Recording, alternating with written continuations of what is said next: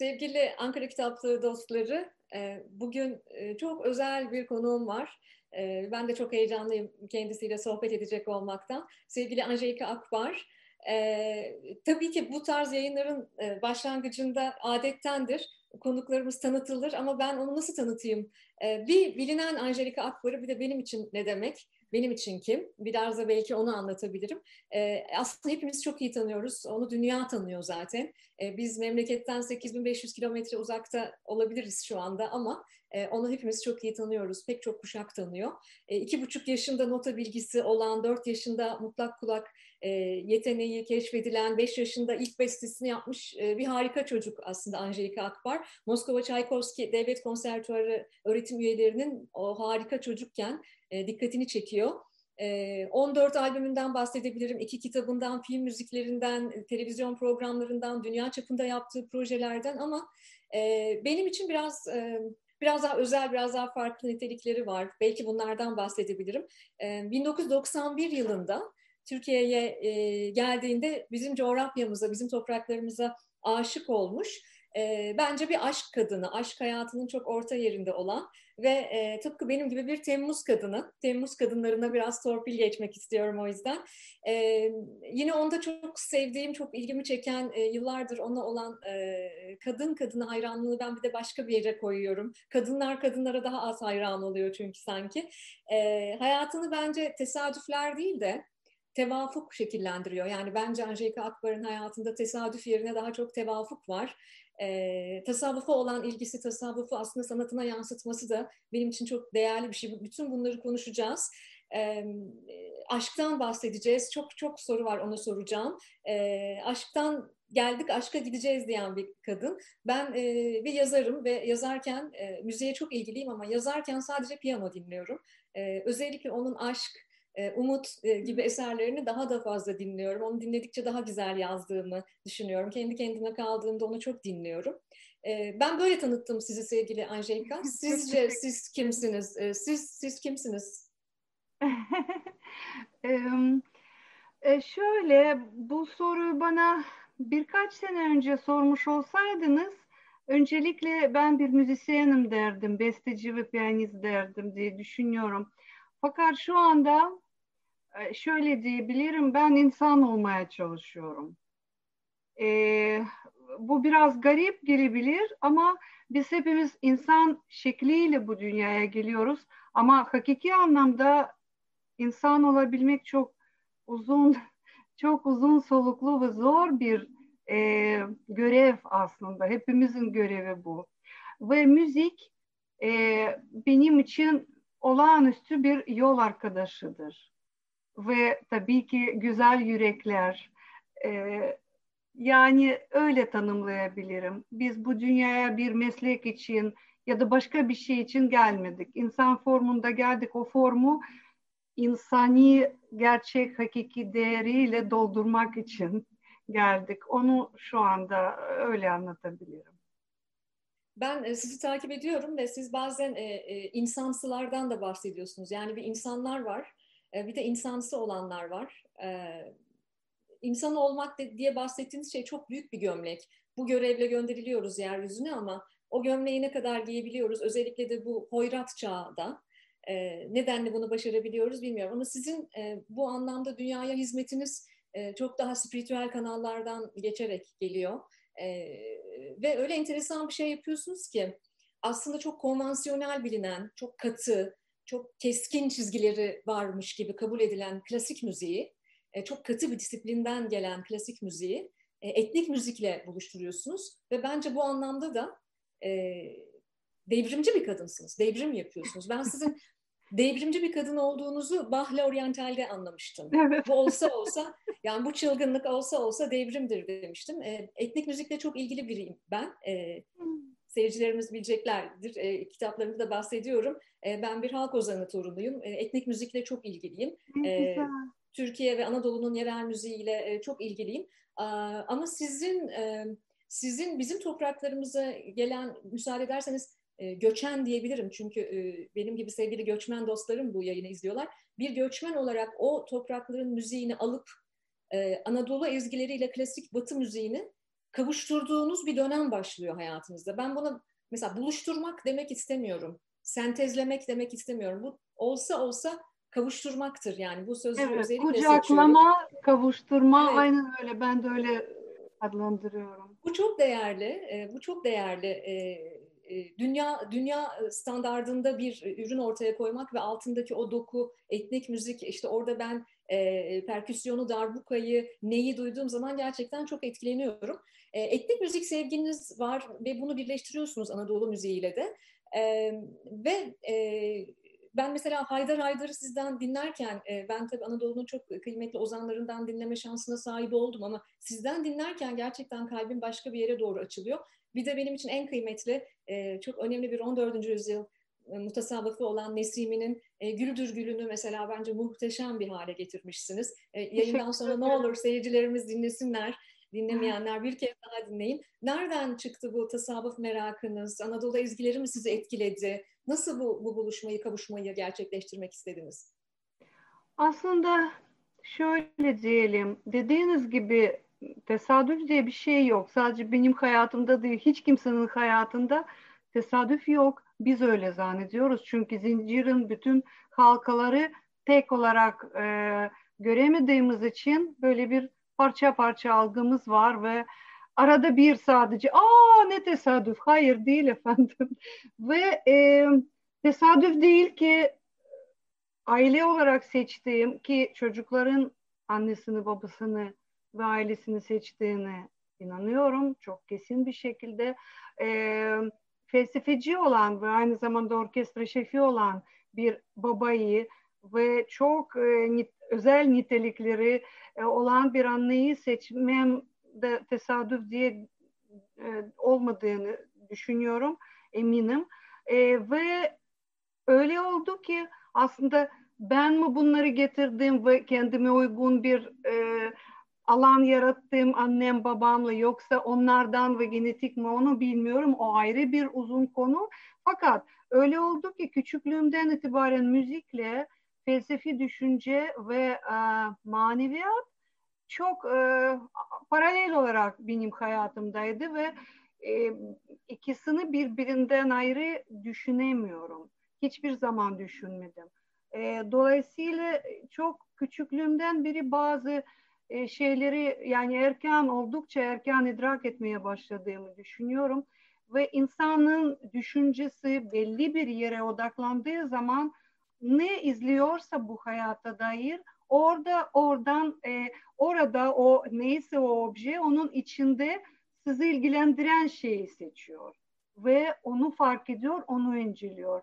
Dolayısıyla ben insan hayatını incelediğim zaman insanlığın e, edebi geçmişini, bilimsel, işte dini, efsaneler vesaire incelendiği zaman çok önemli bir tablo ortaya çıkıyor ve her yerde insan ve insanın ruhu, insanın e, kalbi diyelim sonra gönül kelimesine ayrıca dokunacağım.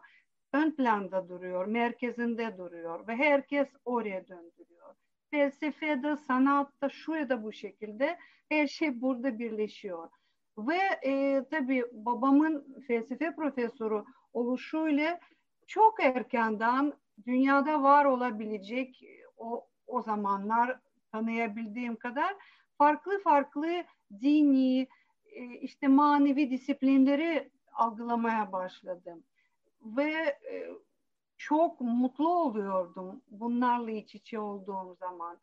E, o birinci yani cevabımın birinci kısmı. Daha sonra o bütün o bilgi kalabalığı arasında diyelim çünkü bilgi bombardımanı diyebilirim. Çünkü ben onu istiyordum o bombardımanı ve o geliyordu e, bana o yıllarda daha Sovyetler zamanında ki yasak olan bir şeydi o zamanlar e, konuşulmayan bir şey ezoterik felsefesindeki kavramlar. E, ezoterik felsefesine bakıldığı zaman diğer ismi e, teosofi e, ve tasavvufla aynı kökü var. Teosofi, tasavvuf, te, TVSF vesaire anlarsınız kelimelerden. E, yani aslında yine halka açık olmayan biraz daha gizli tutulan, az kişiyle paylaşan ve talepli olan kişiyle paylaşılan bilgilerden ve gerçeklerden, hakikatlerden bahsediliyor. E, o yüzden bana çok yakın gelmişti o. Teosofi olduğu için değil. E, mesela teosofinin e, ya da e, ezoterik felsefesinin önemli kısmını Advaita Vedanta oluşturuyor. Teklik felsefesi. Advaita ikilemin olmadığı, ikiliğin olmadığı anlamına geliyor. O bana çok önemliydi benim için. Yani sonuçta teklik, birleme ve birlik e, anlamına gelen her ne varsa ben böyle bir sünger gibi kendi içime ve kalbime çekiyordum. Çünkü hissiyat olarak ha evet e, o tarafa doğru yönelmem gerektiğini hissediyordum. Oradaki ismi her ne olursa olsun. Ve daha sonra e, yolum Türkiye'ye, Anadolu'ya beni getirdiği zaman tabii ki çok normaldir. Ben e, ilk algılamaya başladığım daha dil bilmiyordum. Zaten Türkçe dersi de görmedim. Biliyorsunuzdur herhalde. Bir evet, hiç, hiç Türkçe dersi almadınız. Değil mi? Hiç Türkçe dersi almadınız. Bile. Bana kimse bak şu şu demek bir kelime için bile demedi. Ben iki sene boyunca sustum. Sadece algıladım, sadece dinledim, sadece okumaya çalıştım her neyse levhaları. Yani küçük çocuk nasıl dünyayı tanıyorsa ben öyle Türkiye'deki Türkçeyi ve o bilinci e, tanımaya çalıştım. Ve sonra hani aşağı yukarı iki sene sonra biraz hakimiyetim artınca hemen o konularda ne var diye araştırmaya girdim. Ve tabii ki e, tasavvufla da doğal bir şekilde tanışmış oldum, karşılaşmış oldum. Ve benim daha önce e, hazinemde birliktir, biriktirdiklerimle buradakilerin e, birlemesi oldu diyebilirim. E, terimler değişti. Daha da derinliği buldum. Kesinlikle çok büyük bir fark var. O ayrı bir belki sohbetin konusu ama e, ve Anadolu'nun o e, sentez o, olmuş katman katman binlerce sene boyunca o oluşmuş muazzam bir ruhu var.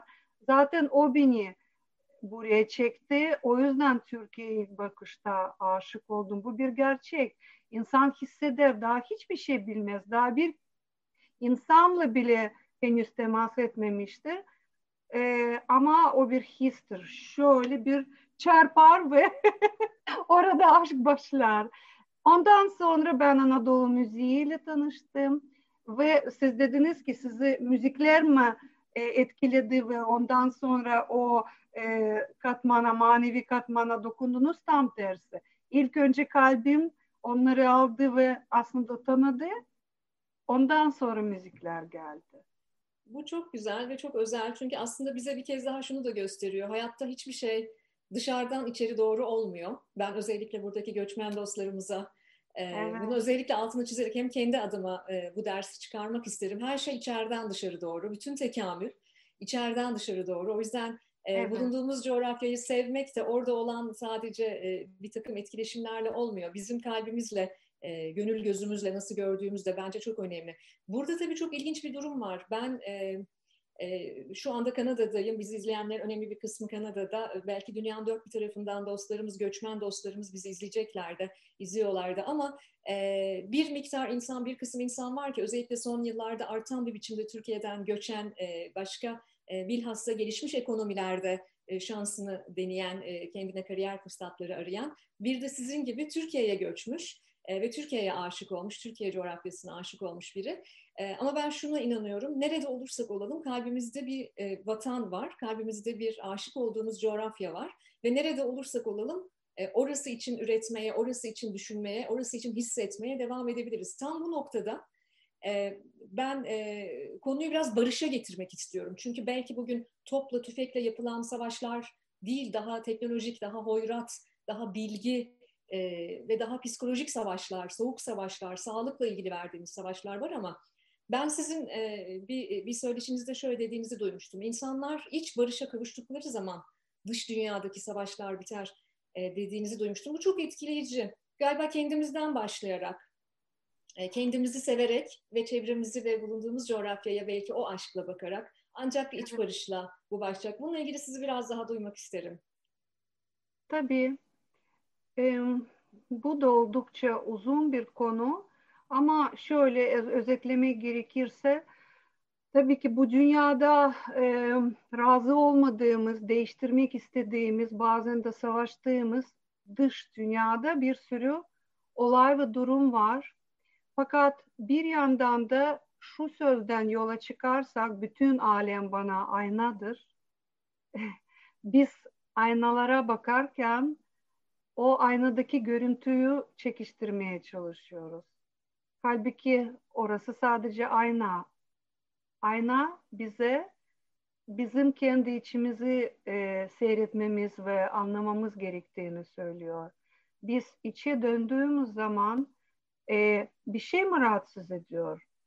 Bir insan eğer bir yerde bir şey onu rahatsız ediyorsa bilsin ki o neyse onun içinde vardır. Çünkü onu tanıyor, tanıdığı için rahatsız ediyor. Henüz onu içinde taşıdığının farkında değil ama onu mutlaka bulur. Ve sonra onu çözdüğü zaman içinde baktığı zaman o öyle rahatsız etmeyecek. Başka bir şey olur.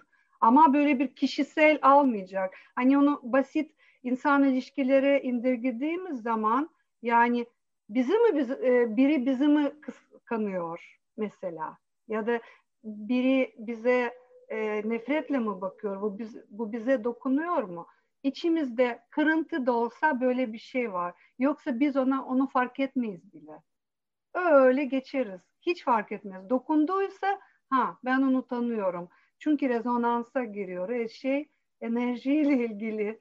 Yani fizik kanunları her yerde çalışır orada bir şey varsa ve bize dokunduysa demek ki içimizdeki onunla rezonansa girdi ve biz onu tanıyoruz.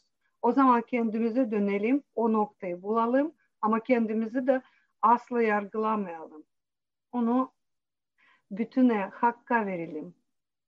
Ne kadar o arzuya da taşımayacağız. Sadece oradan onu, yani tasavvufta buna e, nefsi nefis etmek adı veriliyor. Nefsle savaşılmaz. Nefs asla öldürülemez ama nefis edilir. Her bir o hissettiğimiz, çözdüğümüz, bulduğumuz siyah leke bir e, e cennet bahçesine çevrilebilir eğer istersek. E, ve buna barış deniliyor. İç barış odur. O iç savaş e, bittiği zaman ancak dışta savaş bitecek. Onu demek istiyorum. Topyekun bütün insanlıkta aynı anda, bütün milyarlarca insanda aynı anda bu olur mu? Olmaz. Ama biz kendimize bakalım. Yani kendimizin sorumlu olduğu evreni iyi edelim. Sonrası etkileşim yoluyla çok insana ışık gösterir. Yani hmm, şöyle bir şey var bir de e, spiritüel ya da manevi yoluna ilk zamanlarda girmiş olan insanlarda onu izliyorum. E, insanlar bir şeyleri tanıdıkça, öğrenince, idrak edince hemen herkesle bunu canla başla paylaşmak istiyor, ikna etmek istiyor. Hayır bak bu daha iyi demeye çalışıyor. Halbuki karşıdaki insan buna hiç hazır değil, hiç oralı değil o zaman bu insan da bazen kızıyor, bazen küsüyor, bazen böyle bir e, egosal bir hallere giriyor. Hayır, herkesin kendi zamanı var. Yani herkes için o çizgi, o idrak zamanı, o derinleşme zamanı ve yolculuğu farklı zamanda başlar, farklı hızla ilerler. Ama e, son gel, gelinecek nokta aynı herkes için ve o barış noktası.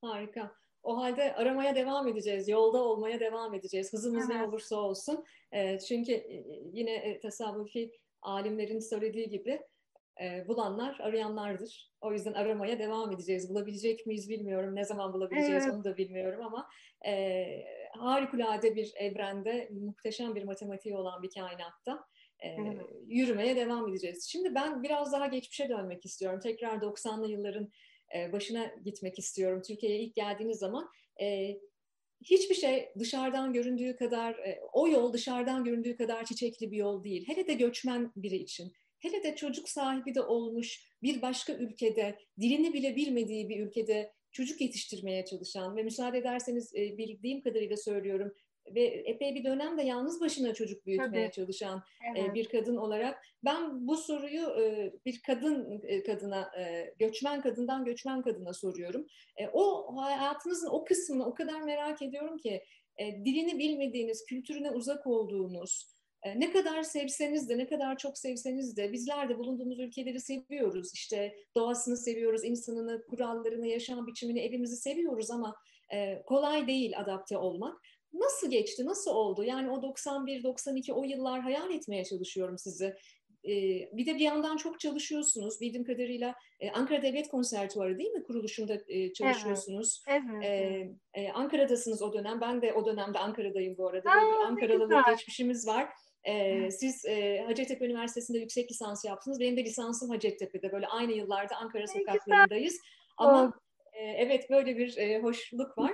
Ama sizin mücadeleniz benimkinden e, daha büyük. Benim size benzer mücadelelerim daha sonraki yıllarda geldi çünkü.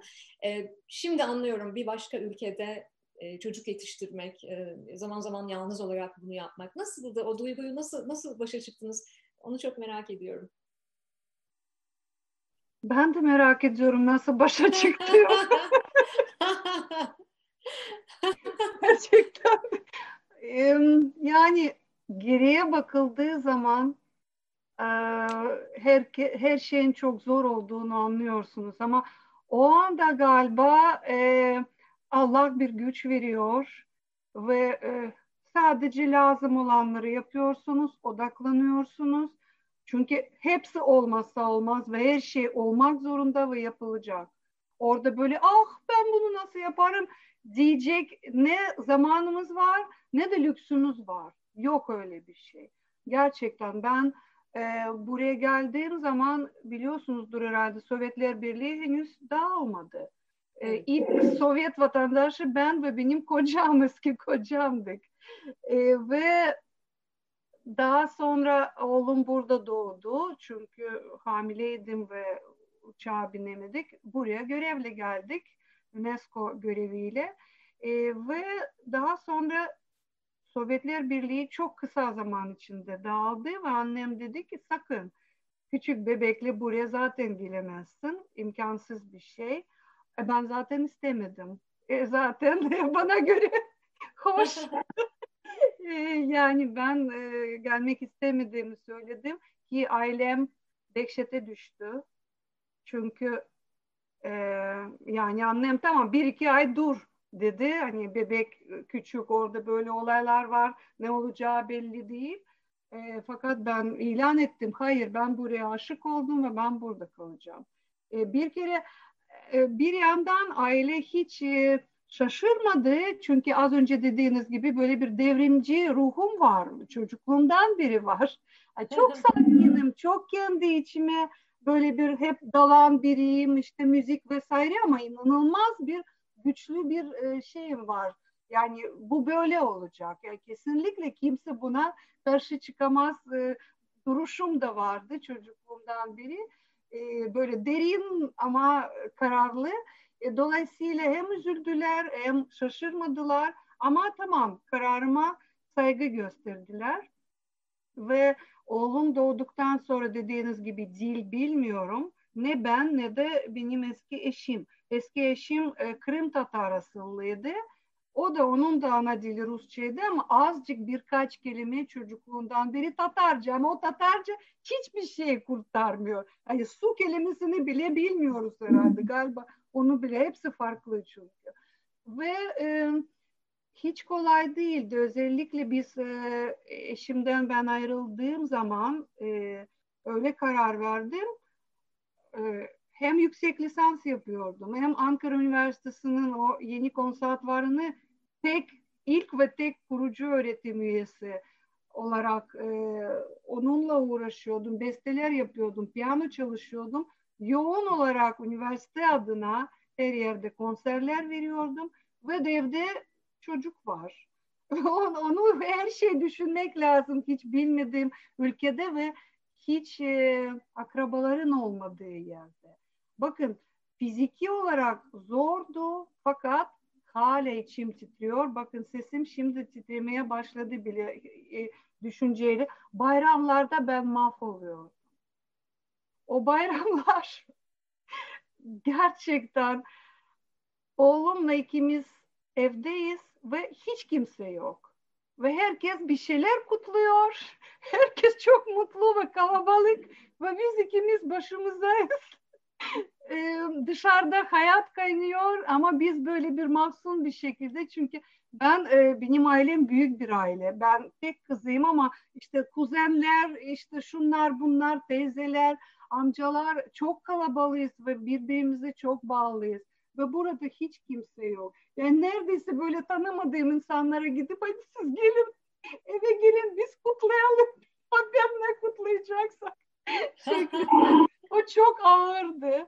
Ee, galiba bütün bu zorluklara rağmen bana en dokunan ve hala kalbimde o böyle bir yara şeklinde duran o bayramlar. Sizi çok iyi anlıyorum. Bence şu an bizi izleyen birçok göçmen dostum da bizi çok iyi anlıyor, içselleştiriyor. Ya. Ben de aynı hissi e, Kanada'ya ilk yerleştiğim sene e, Cadılar Bayramı'nda, Halloween'de hiçbir çocuk bizim kapımızı çalmadığında aynı hissi hissetmiştim. Neden neden bizim kapımızı kimse çalmadı diye. Ee, gerçekten e, insan yeniden doğmuş gibi oluyor. E, dilini bilseniz bile yani ülkenin dilini bilseniz bile e, o gün doğmuş, e, ben işte 40 yaşıma yakın evet. yerleştim e, bu ülkeye ve o gün doğmuş ve evvelde, evvelce yaptığınız hiçbir şeyin hiçbir anlamı yokmuş gibi hissedebiliyorsunuz. Ama bütün bu hikayenin içerisinde erkek izleyicilerimiz beni bağışlasın. E, kadın olarak biraz daha kırılgan olabiliyoruz ama mücadeleye de bir yandan devam ediyoruz. Çok teşekkür ediyorum samimiyetle paylaştığınız için. E, sizin için aklıma o geldi şimdi. Sizin için diyorlar ki e, bir sosyal medya platformunda ee, öyle bir kadın ki bir çay içelim desem hiç yadırgamayacak sanki diye yazmışlar sizin için. Yani tanışmıyoruz ama hadi gel Angelika bir çay içelim desem hiç yadırgamayacak, atlayıp gelecek gibi. Gerçekten öyle bir enerjiniz var. Aslında bu da enteresan bir şey çünkü e, beni bağışlayın ama temsilcisi olduğunuz müzik ekolü, en azından eğitimini aldığınız müzik ekolüdeki pek çok e, e, büyük sanatçı e, belki biraz daha mesafeliydi. Belki e, belki o klasik müzik disiplini ve kültüründen gelmenin verdiği bir parça daha e, o mesafeli olma hali vardı ama ben e, sizi sosyal medyada da takip ettiğim için lütfen e, takip etmeyenler Angelika Hanım'ı takip etsinler. Twitter'da ve Instagram'da harika paylaşımlar yapıyor. E, bunu ben de görüyorum. Geçenlerde e, siz şöyle bir şey söylediniz. Eylül ayıydı zannedersem zarafetten bahsettiniz. Bence e, benim az önce verdiğim örnek ya da bu arkadaşımızın yazdığı bir çay içelim desem hiç yadırgamayacak sanki demesi tevazudan daha başka bir şey. Çünkü tevazu tevazuyu yeniden tanımlamak lazım. O başka bir şey. Ben onun zarafet olduğunu düşünüyorum. Tevazu kadar basit bir şey değil o. E, siz de zarafetle ilgili geçenlerde şey yazdınız, e, Twitter'da yazdınız. E, her alanda zarafet eksikliği var. İletişimde, sözlerde, davranışlarda. E, ben de bundan muzdaribim. Yani bunu ben de çok e, üzülerek görüyorum. Her alanda zarafet eksikliği. Halbuki dünyada buna ne kadar çok ihtiyacımız var. Nasıl görüyorsunuz? Özellikle siz şu anda Türkiye'desiniz, biz uzağız. Ama ben sık sık ülkeme gelip gittikçe son yıllarda o zarafet eksikliğini daha da fazla hisseder oldum. Hani Batı'nın bireyselliğini hep eleştirirdik. Benim şu anda bulunduğum Batı coğrafyasının bireyselliğini. Ama biz ne ara e, kendi yurdumuzda o, o Anadolu'nun kadim bilgeliğinden uzaklaşarak o zarafeti kaybettik. Bu konuda düşüncelerinizi paylaşır mısınız? Öncelikle şunu söyleyeyim. Ben zarafet eksikliği dediğim zaman e, kesinlikle sadece Türkiye ile ilgili evet, söylemedim. Evet. Onu anladınız zaten evet. ama yine de altını çizeyim. Evet. Hayır hayır kesinlikle bu bütün dünya ile ilgili ve dünyada şu anda yaşanan e, hayat tarzı ve tercihleriyle ve alışkanlıkla ilgili bir şey, alışkanlıklarla ilgili bir şey. Zarafet bana göre e, doğuştan olan bir şey. E, tamam zarafet ve doğru davranış kuralları var. Evet etiket kuralları vesaire. O başka bir şey. O öğrenilmiş bir şey evet. Nerede nasıl duracaksınız, ne arada nasıl güleceksiniz, e, ne zaman gülümseyebilirsiniz ama ne zaman kahkaha atabilirsiniz, nerede nasıl giyinilir ve çatal bıçak nasıl tutulur. O hepsi başka bir şey. Ama o zarafet, o e, dağ köyündeki çobanın kalbinde de var. Hı hı. E, bir ülkenin e, yöneticisinde de var, varsa var, yoksa da yok. Öğrenilemiyor. Ve e, bence modern dünyanın bu koşuşturmalı ve yüzeysel e, hayat tarzı bizi o özümüzde taşıdığımız o zarafet noktasından bizi e, uzaklaştırıyor. Onun için ben e, sohbetlerde hep ona eğer soru soruluyorsa e, tekrar dönmeye çalışıyorum. O gün Twitter'a yazdığım şey e, bir kişi bana aslında sosyal medya üzerinden aslında kendince iyi niyetli gibi ama o iyi niyetin altında birkaç katman aşağıda e, bir aşağılama vardı. Sorun değil. Ben hiç kişisel almıyorum o tür şeyleri. Ben sadece tespit ediyorum ve o insanı biliyorum. Ha tamam bu böyle bir şeydir. Fotoğraf çekiyorum çok net olarak ve asla onu hiç gerek yok. Biliyorum orası o katmanları geçecek de ben ona söyleyeceğim o onu düzeltecek. Hiç e, oralı değilim. Sadece bir olay varsa o bir kıvılcım gibi beni hep bütününe getiriyor. da babamdan herhalde genetik olarak almış olduğum bir şey. Felsefi bakış açısı ve böyle bir ya kuş bakışı olaylara ve dünya hayatına bakma alışkanlığı. Onun için gerçekten o gün tekrar düşündüm. O zarafet aslında e, eşittir samimiyet benim için. Hakiki, kalpten gelen, en insani e, niteliğimizi, en böyle özümüzü yansıtan bir şey. E, o çok önemli. Yine samimiyet sıklıkla laubalilikle karıştırılır. Hı hı. Hayır değil işte. O gerçek samimi pırıl pırıl bir e, duruş o işte zarafet. Benim için o insan zariftir. Ve o insan kaba davranmaz. Hayır. O insan haklı olarak bir şey için ses çıkartabilir, kızabilir de bir şey değiştirmek uğruna sadece alay etmek için değil asla alay etmez. Asla böyle bir şey yapmaz. Asla karşı taraf ondan bir bilgi sormuyorsa o bilgiyi vermez. Bu da zarafetin eksikliğinden oluyor. İnsanlar sıklıkla onu yapıyor. Yani bir şey biliyorum o zaman ille ben o insana şimdi öğreteceğim. Hayır yok öyle bir şey. O insan soruyorsa o zaman aktar ne kadar gerekiyorsa. E, o ilişkilerde ki zarafet benim için çok önemli bir şey. Hep ona çok dikkat ederim. Ve dünyaca bu anlamda iyi puan almıyoruz şu anda bu gezegende. E, o da birçok olaylarda, birçok davranışlarda e, kendini gösteriyor. Sonuçlar çok ağır oluyor açıkçası. Böyle bir kar topu gibi. Onu sıklıkla hatırlatmak gerektiğini düşünüyorum. Çok da iyi yapıyorsunuz. Zaten biraz da oraya geleceğim. E, teknolojinin e, teknoloji mi bizi kullanıyor, biz mi teknolojiyi kullanıyoruz sorusunu çok sık soruyorum kendime. Bir yandan e, e, kendi kendime öfkeleniyorum, kızıyorum. Sosyal medyadaki bu e, e, zarafet eksikliği beni üzüyor. Özellikle e, Türkiye gibi sosyal medyayı, sosyal platformları çok kullanan ülkelerde.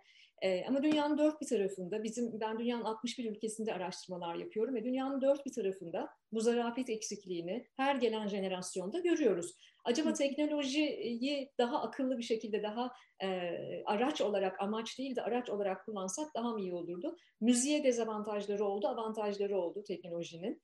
E, o yüzden e, aslında bu kadar e, otomatik yaşamak, işte e, direksiyonsuz, e, sürücüsüz araçlar olduğu gibi e, iliş, insansız ilişkiler, yani insansız Bravo. ilişkiler oluşmaya başlıyor. Acaba e, bu e, Burada bizim galiba e, kuşakları, yeni kuşaklara aktarmakla ilgili de sorumluluklarımız var. Ben 20 evet. yıldır bir kuşak araştırmacısıyım. Özellikle genç kuşaklar üzerine araştırmalar yapıyorum. Ve geçtiğimiz dönemlerde Kızılderililerin, e, özellikle benim bulunduğum coğrafyada çok e, hala e, aktif yaşayan ve kültürlerine e, sahip çıkan Kızılderililerin bir e, anlayışıyla karşılaştım. Altı kuşak sonrasından sorumlu olduğunu düşünüyor Kızılderililer. Yani kültürü, müziği, adabı, usulü, altı kuşak sonrasına ancak aktarırsak boynumuzun borcunu ödemiş olacağız, görevimizi yerine getirmiş olacağız. Yani ben sadece, benim de 14 yaşında bir oğlum var. Sadece oğlumu terbiyeli ve e, ahlaklı bir vatandaş olarak yetiştirmek değil ama e, benim devamımdaki kuşakları.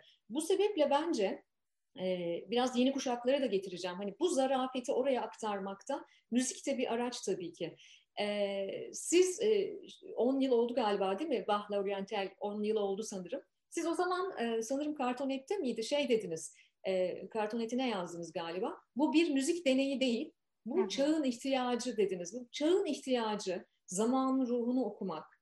Yani gelenekle geleceği buluşturmak bence çok kıymetli ve bence bazı insanlar bunun için yeryüzüne gönderiliyorlar.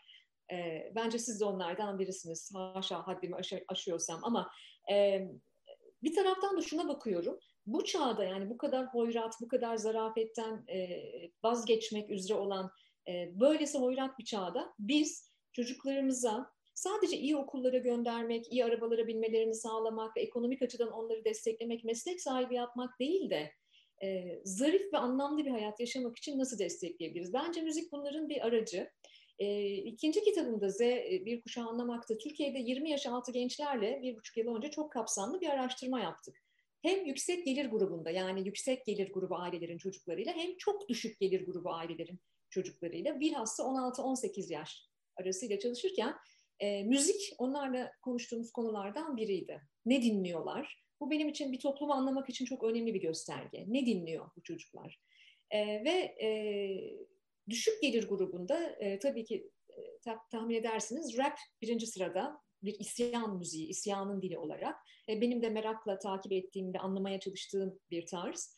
E, yüksek gelir grubunda ise rock ama bilhassa eskilerin, 90'ların, 90'lardan kalma o eski e, rock müzikleri birinci sırada çıktı bizim araştırmamızda. Her iki grupta da inanın yüksek gelir grubunda da klasik müzik çok son sıralarda geldi. Bunu e, etnik müzik de aynı şekilde yani Türk halk müziği, Türkiye'nin halk müziği de, folkloru da, etnik müzik de aynı şekilde bununla ilgili yorumlarınızı almak istiyorum. Çünkü ben bir anne olarak şunu e, bilmek istiyorum. Benim bir anne olarak, yurt dışında çocuk yetiştiren bir anne olarak oğlumu etnik müzikten uzaklaşmamasını nasıl sağlayabilirim? Sevmiyor. Özellikle Türkiye'den uzak büyüyen bir çocuk olarak. Oğlumun klasik müzikten yani bu e, bu müzik kültüründen uzak olmadan, ona baskı da yapmadan ona nasıl sevdirebilirim? Hani o altı kuşak sonrasında sorumluluğumla ilgili size sormak istediğim bir soru. Ne yapacağız da bu çocukları e, doğru müzik demek istemiyorum sadece ama ruhu ve anlamı olan müzikle nasıl buluşturacağız? Ah, aslında çok teşekkür ederim. Kapsamlı bir soru oldu. Evet. Öncelikle küçük bir notum var. Teşekkür ederim. Öyle söylediniz siz. E, o gönderilenler gönderilenlerden birisiniz. Biz bu anlamda hepimiz çok özeliz ve hepimiz gönderildik. Kimin tarafından? Kendi özümüz tarafından ve hepimizin biricik ve çok özel bir görevimiz var. Her kim olursak olalım. Ee, onu özellikle hep söylemeye çalışıyorum, hatırlatmaya çalışıyorum. Sadece görevlerimiz farklı olabilir. Ee, teknoloji mi bizi kullanıyor, biz mi kullanıyoruz? Ee, cümlenize şunu öncelikle söylemek istiyorum. Ee, aynı şey akıl için de söyleyebiliriz. Aslında akıl mı bizi kullanmalı yoksa biz mi aklı kullanmalıyız? Biz dediğimiz zaman özümüz. E, bu çok eski bir soru ve birçok e, ruhsal manevi pratiklerinde de çalışılan bir soru bu. Çünkü akıl e, zapt edilmeyen maymunlara benzetilir ya da böyle a, almış başına gitmiş atlara benzetilir ve o atları dizginlemek gerektiğini ve onların bir yöneticisi olmalı ki o atları doğru ve bizim e, yararımıza kullanabilsin diye.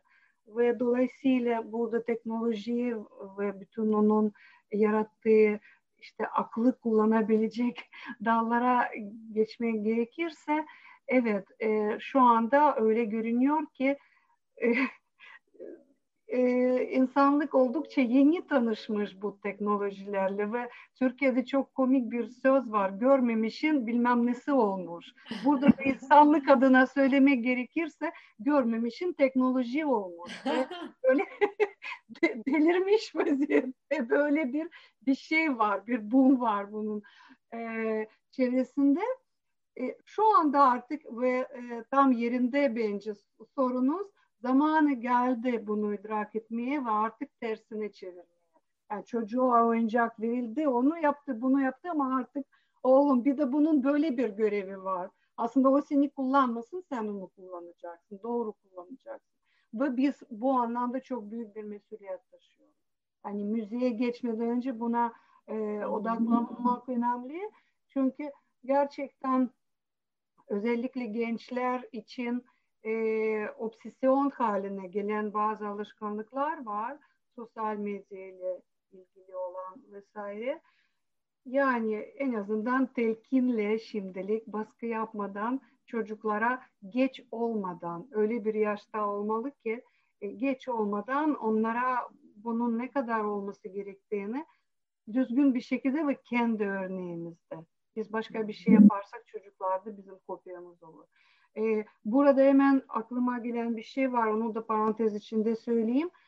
Çok üzülüyorum. Özellikle Türkiye'de bilmiyorum yurt dışında bu kadar bir şey görmedim. Belki de vardı. Belki Rusya'da vardı. Çocuk daha bebek eline cep telefonu veriliyor. Ya da bir tablet veriliyor. İşte çocuk mama yiyecek orada hani eskiden bir zamanlar hemen altını çiziyorum bilinçsiz anne babalar televizyon açıyor. Hadi oğlum aç ağzını orada reklam. Korkunç bir şey bu yani asla yapılmaması gereken bir şey. Aç kalsın bu çocuk ama açmasınlar ona şu e, televizyonu. Belli bir yaşa kadar zaten televizyon yasak olmalı. Sadece seçici olarak bazı çizgi filmler, bazı müzikler, bazı imaj, imajlar ben her iki çocuğumla ilgili çok özen gösterdim. Bayağı büyük yaşlara kadar diyebilirim. E, ve işte o erken yaşta verilen şu tabletler ve telefonlar çocukların eline daha sonra onları o ekranın içine doğal olarak çekiyor. E sonra 2-3 sene geçiyor anne baba şikayet etmeye başlıyor. Aa sen e, bunun dışında bir şey yapmıyorsun. Ne yapsın? Niye yapsın? Niye kitap okusun? E orada eşeğe tıklıyorsun, çok doğru bilgiye ulaşıyorsun. Başka bir bilinç. E, dolayısıyla eğer bunu bu kadar obsesif bir şekilde olmasını istemiyorsak geç olmadan bilinçli ve planlı programlı bir şekilde orayı şöyle bir kontrol altına almalıyız. Yine dediğim gibi baskıcı bir şekilde değil. E, işte çok tatlı ve e, dikkatli bir şekilde, şefkatli bir şekilde. Müziğe gelince e, evet çocuklar ne yapsın? Tabii ki protest müziği dinleyecek. Yani dünya zor durumda ve bu bir gerçek. Evet.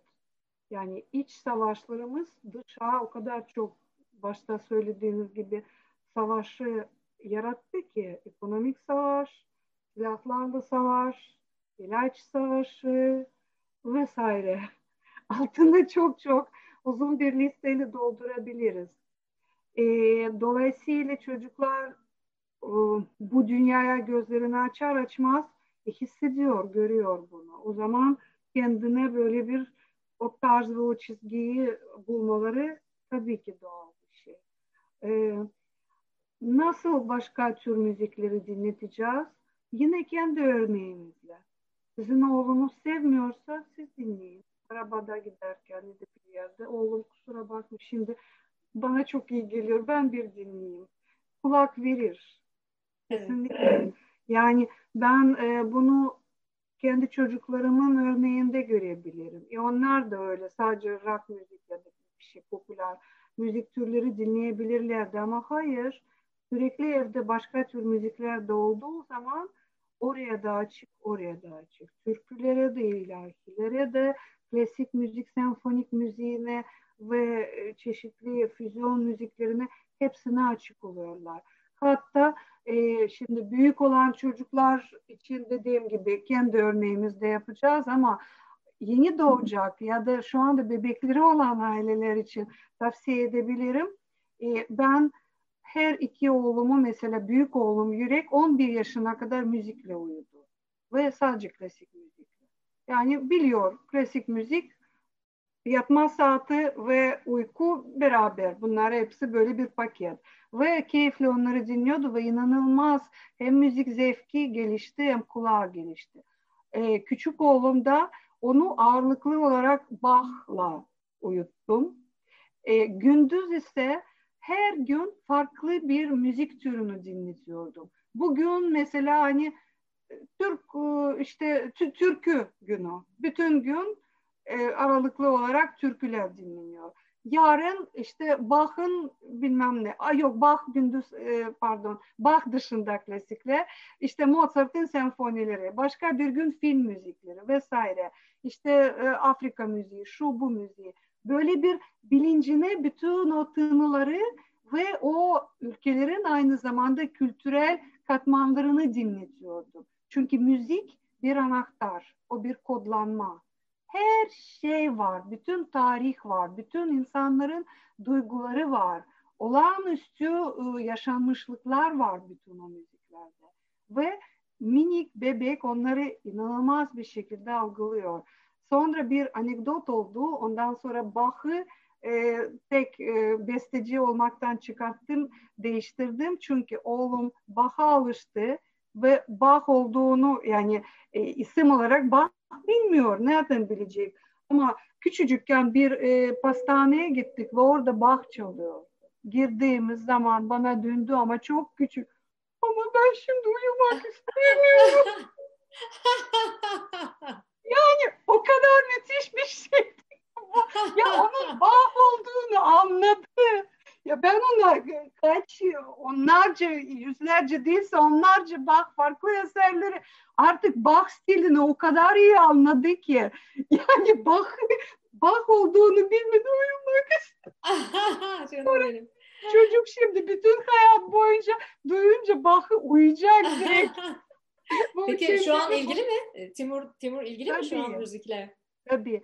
Timur e, benim bir Libertango İstanbul klibim vardı. Bilmiyorum seyretmiş Evet, mi? evet, evet tabii ki seyrettim. E, o klip için bizim evde tabii provalar yapılıyordu cello, piyano ve albüm için ve cello'ya aşık oldu. O zaman 3 yaşındaydı ve inanılmaz cello dersi almak istedi. O zaman biz violadan küçük bir cello yaptık. Oraya işte ayağa koyduk. Minicik böyle bir şey, minicik de cello.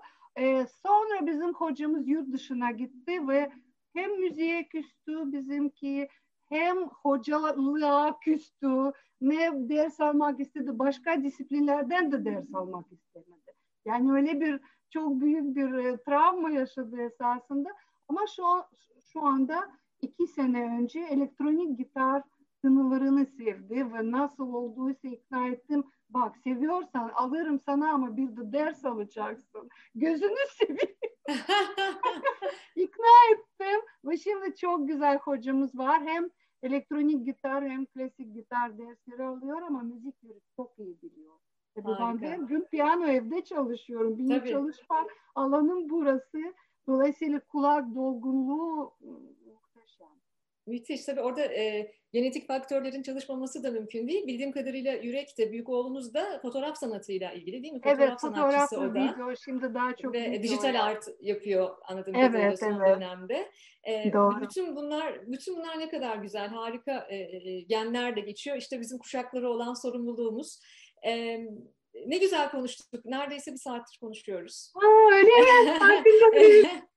evet ne güzel. E, böyle dijital e, bir ortam oldu ama inşallah e, sağlıklı günlerde sizinle böyle çay kahve içerek de e, Türkiye'de veya inşallah sizi burada misafir etmemiz de mümkün olur. E, ben size e, son bir soru soracağım. Tabii. E, TRT'deki e, TRT2'deki programınızı Anjeka Akbar'la e, Sesler programı. Doğru söylüyorum değil mi? Doğru. E, onu takip ediyorum. Çok çok güzel, çok hoş bir program, çok güzel. E, bir de e, benim e, çok sevdiğim bazı konukları çıkarıyorsunuz zaman zaman. Aa, bak ben çağırsam ben de onu çağırırdım, ben de bunu çağırırdım diyorum. En son e, e, en son e, sevgili Kemal Hoca ile Kemal Sayar Hoca ile yayınınızı evet. izledim. Çok o kadar yakışmışsınız ki e, çok güzel olmuş program. E, orada çok değişik bir şey yapıyorsunuz bence ama çok da değişik de değil yani sizden de zaten o beklenirdi. Programın sonunda sohbetin sizde bıraktığı duyguya özel bir doğaçlama evet. yapıyorsunuz. Zaten evet. böyle bir kadınsınız. Ben e, sevgili izleyiciler e, birkaç gün önce Angelika Hanım'a dedim ki e, size göndereyim mi soracağım soruları dedim. Hayır gönderme dedi. Yani kesinlikle istemiyorum dedi. Hiçbir Bizim, zaman. bu işlerde genelde istenir. genelde sorular istenir. Öyle deyince benim hem çok sevindim, çok rahatladım, çok hoşuma gitti. dedi ki ben prensip olarak hiçbir zaman soruları önceden istemem ve bunun evet. samimi bir şekilde akmasını isterim. Çok bunu da seyircilere söylemek istiyorum. Çok teşekkür ederim. Gerçekten TRT 2'de programı seyredenler de hani o sonundaki doğaçlama kısmı e, o kadar samimi ki izleyenler vardır belki. İzlemediyseniz mutlaka e, YouTube'dan lütfen bulun ve izleyin. Çok güzel. Sanırım 100 programa geldiniz değil mi? En son 100'e ee, yaklaştınız mı? 80 80'i geçtim. 85 gibi şu anda. Baya, bayağı iyi gidiyorsunuz. YouTube'a her şey yüklenmedi. YouTube'da galiba 49 program var. Geri kalan TRT 2'nin sitesinde şu anda. TRT 2'nin sitesinde. Evet. Evet, evet. Bizim orada bütün programlar. Var. Harika. E, TRT 2 sitesinden lütfen erişin. E, çok çok zarif, çok e, hoş e, bir program. E, en sonunda da Angelika Hanım piyanonun başına geçiyor ve gözlerini kapatıyor e, hep olduğu gibi. Ve o sohbetin onda bıraktığı etki üzere üzerine hiç hazırlıksız e, tamamen doğaçlama bir şey çalıyor. Şimdi tabii bir, e, benim sizi ağırladığım bu programda e, bu olmayacak. Ama ben size şöyle bir şey sorsaydım. Deseydim ki bu sohbet e, şey bir saattir yaklaşık sohbet ediyoruz. Bu sohbet sizde nasıl bir duygu e, bıraktı deseydim, doğaçlama bir şey söyleyin demiyorum ama e, dünyanın herhangi bir müziğinden çünkü aramızda 8500 kilometre uzaklık var şu anda ama kalpler evet. bir. Kalbinize kalbinizde ne bıraktı? E, onu merak ettim. Zor bir soru olmazsa. Yani bu şöyle eğer bilinen ve yapılmış başkası tarafından yapılmış bir örnek vermek gerekirse biraz e, bakmam gerekiyor. Öyle mi istiyorsunuz? Çünkü yani doğaçlama şimdi yapamayacağımı göre. Evet evet. Örnek hazır sizin olan. Eser, sizin eserlerinizden olabilir ya da başkasının eserlerinden olabilir. Tamam bakıyorum şimdi. Şimdi galiba Bach Air. Harika. O üçten.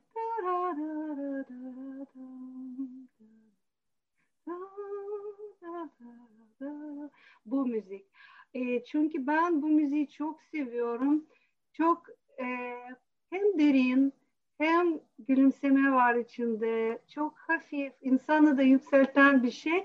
Ve sizin e, sohbetiniz, sizin sohbetiniz diyorum çünkü sohbeti kim e, yönetiyorsa onun e, enerjisi, onun aurası orada e, hakim oluyor ve gerçekten çok güzel. Sorularınız çok güzel. E, hissiyatınız çok güçlü ve ben çok güzel bir zaman geçirmiş oldum. Onun için evet Bach Air diyorum. Çok teşekkür ediyorum. Ee, biz de e, ben de şimdi hemen bu yayından sonra Bah Air'la devam edeceğim. Lütfen. Bölümün kalan kısmına. Ee, lütfen sevgili izleyicilerimiz de bol bol Bah ve Air dinleyin. E, bence çok e, böyle bir havaya çok ihtiyacımız var. E, bir şeyi daha unutmadan geçmek istemiyorum. Sevgili Angelika Akbar birkaç haftadır bir sağlık sorunu da yaşarken bizim yayınımıza gelmeyi kabul etti. Onun için de size e, ayrıca çok teşekkür ediyorum. Çünkü bacağınızda sanırım bir e, sıkıntınız var. Belki şu evet ben sizden... düştüm. Evet.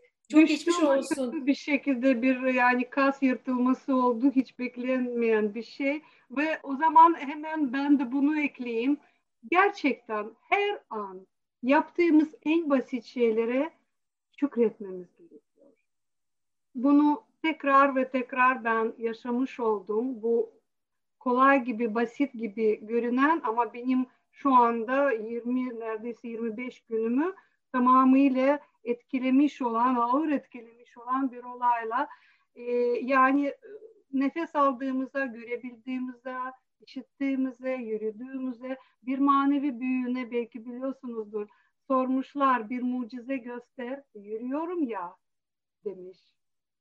Evet, harikasınız. Ben o yüzden de e, seyircilerimiz adına da size Ankara Kitaplığı adına da ayrıca teşekkür etmek istiyorum. Çünkü bir yandan da rahat oturuyor musunuz? Bacağınız ağrıyor mu? İç, içimdeki, bir oraya bir buraya.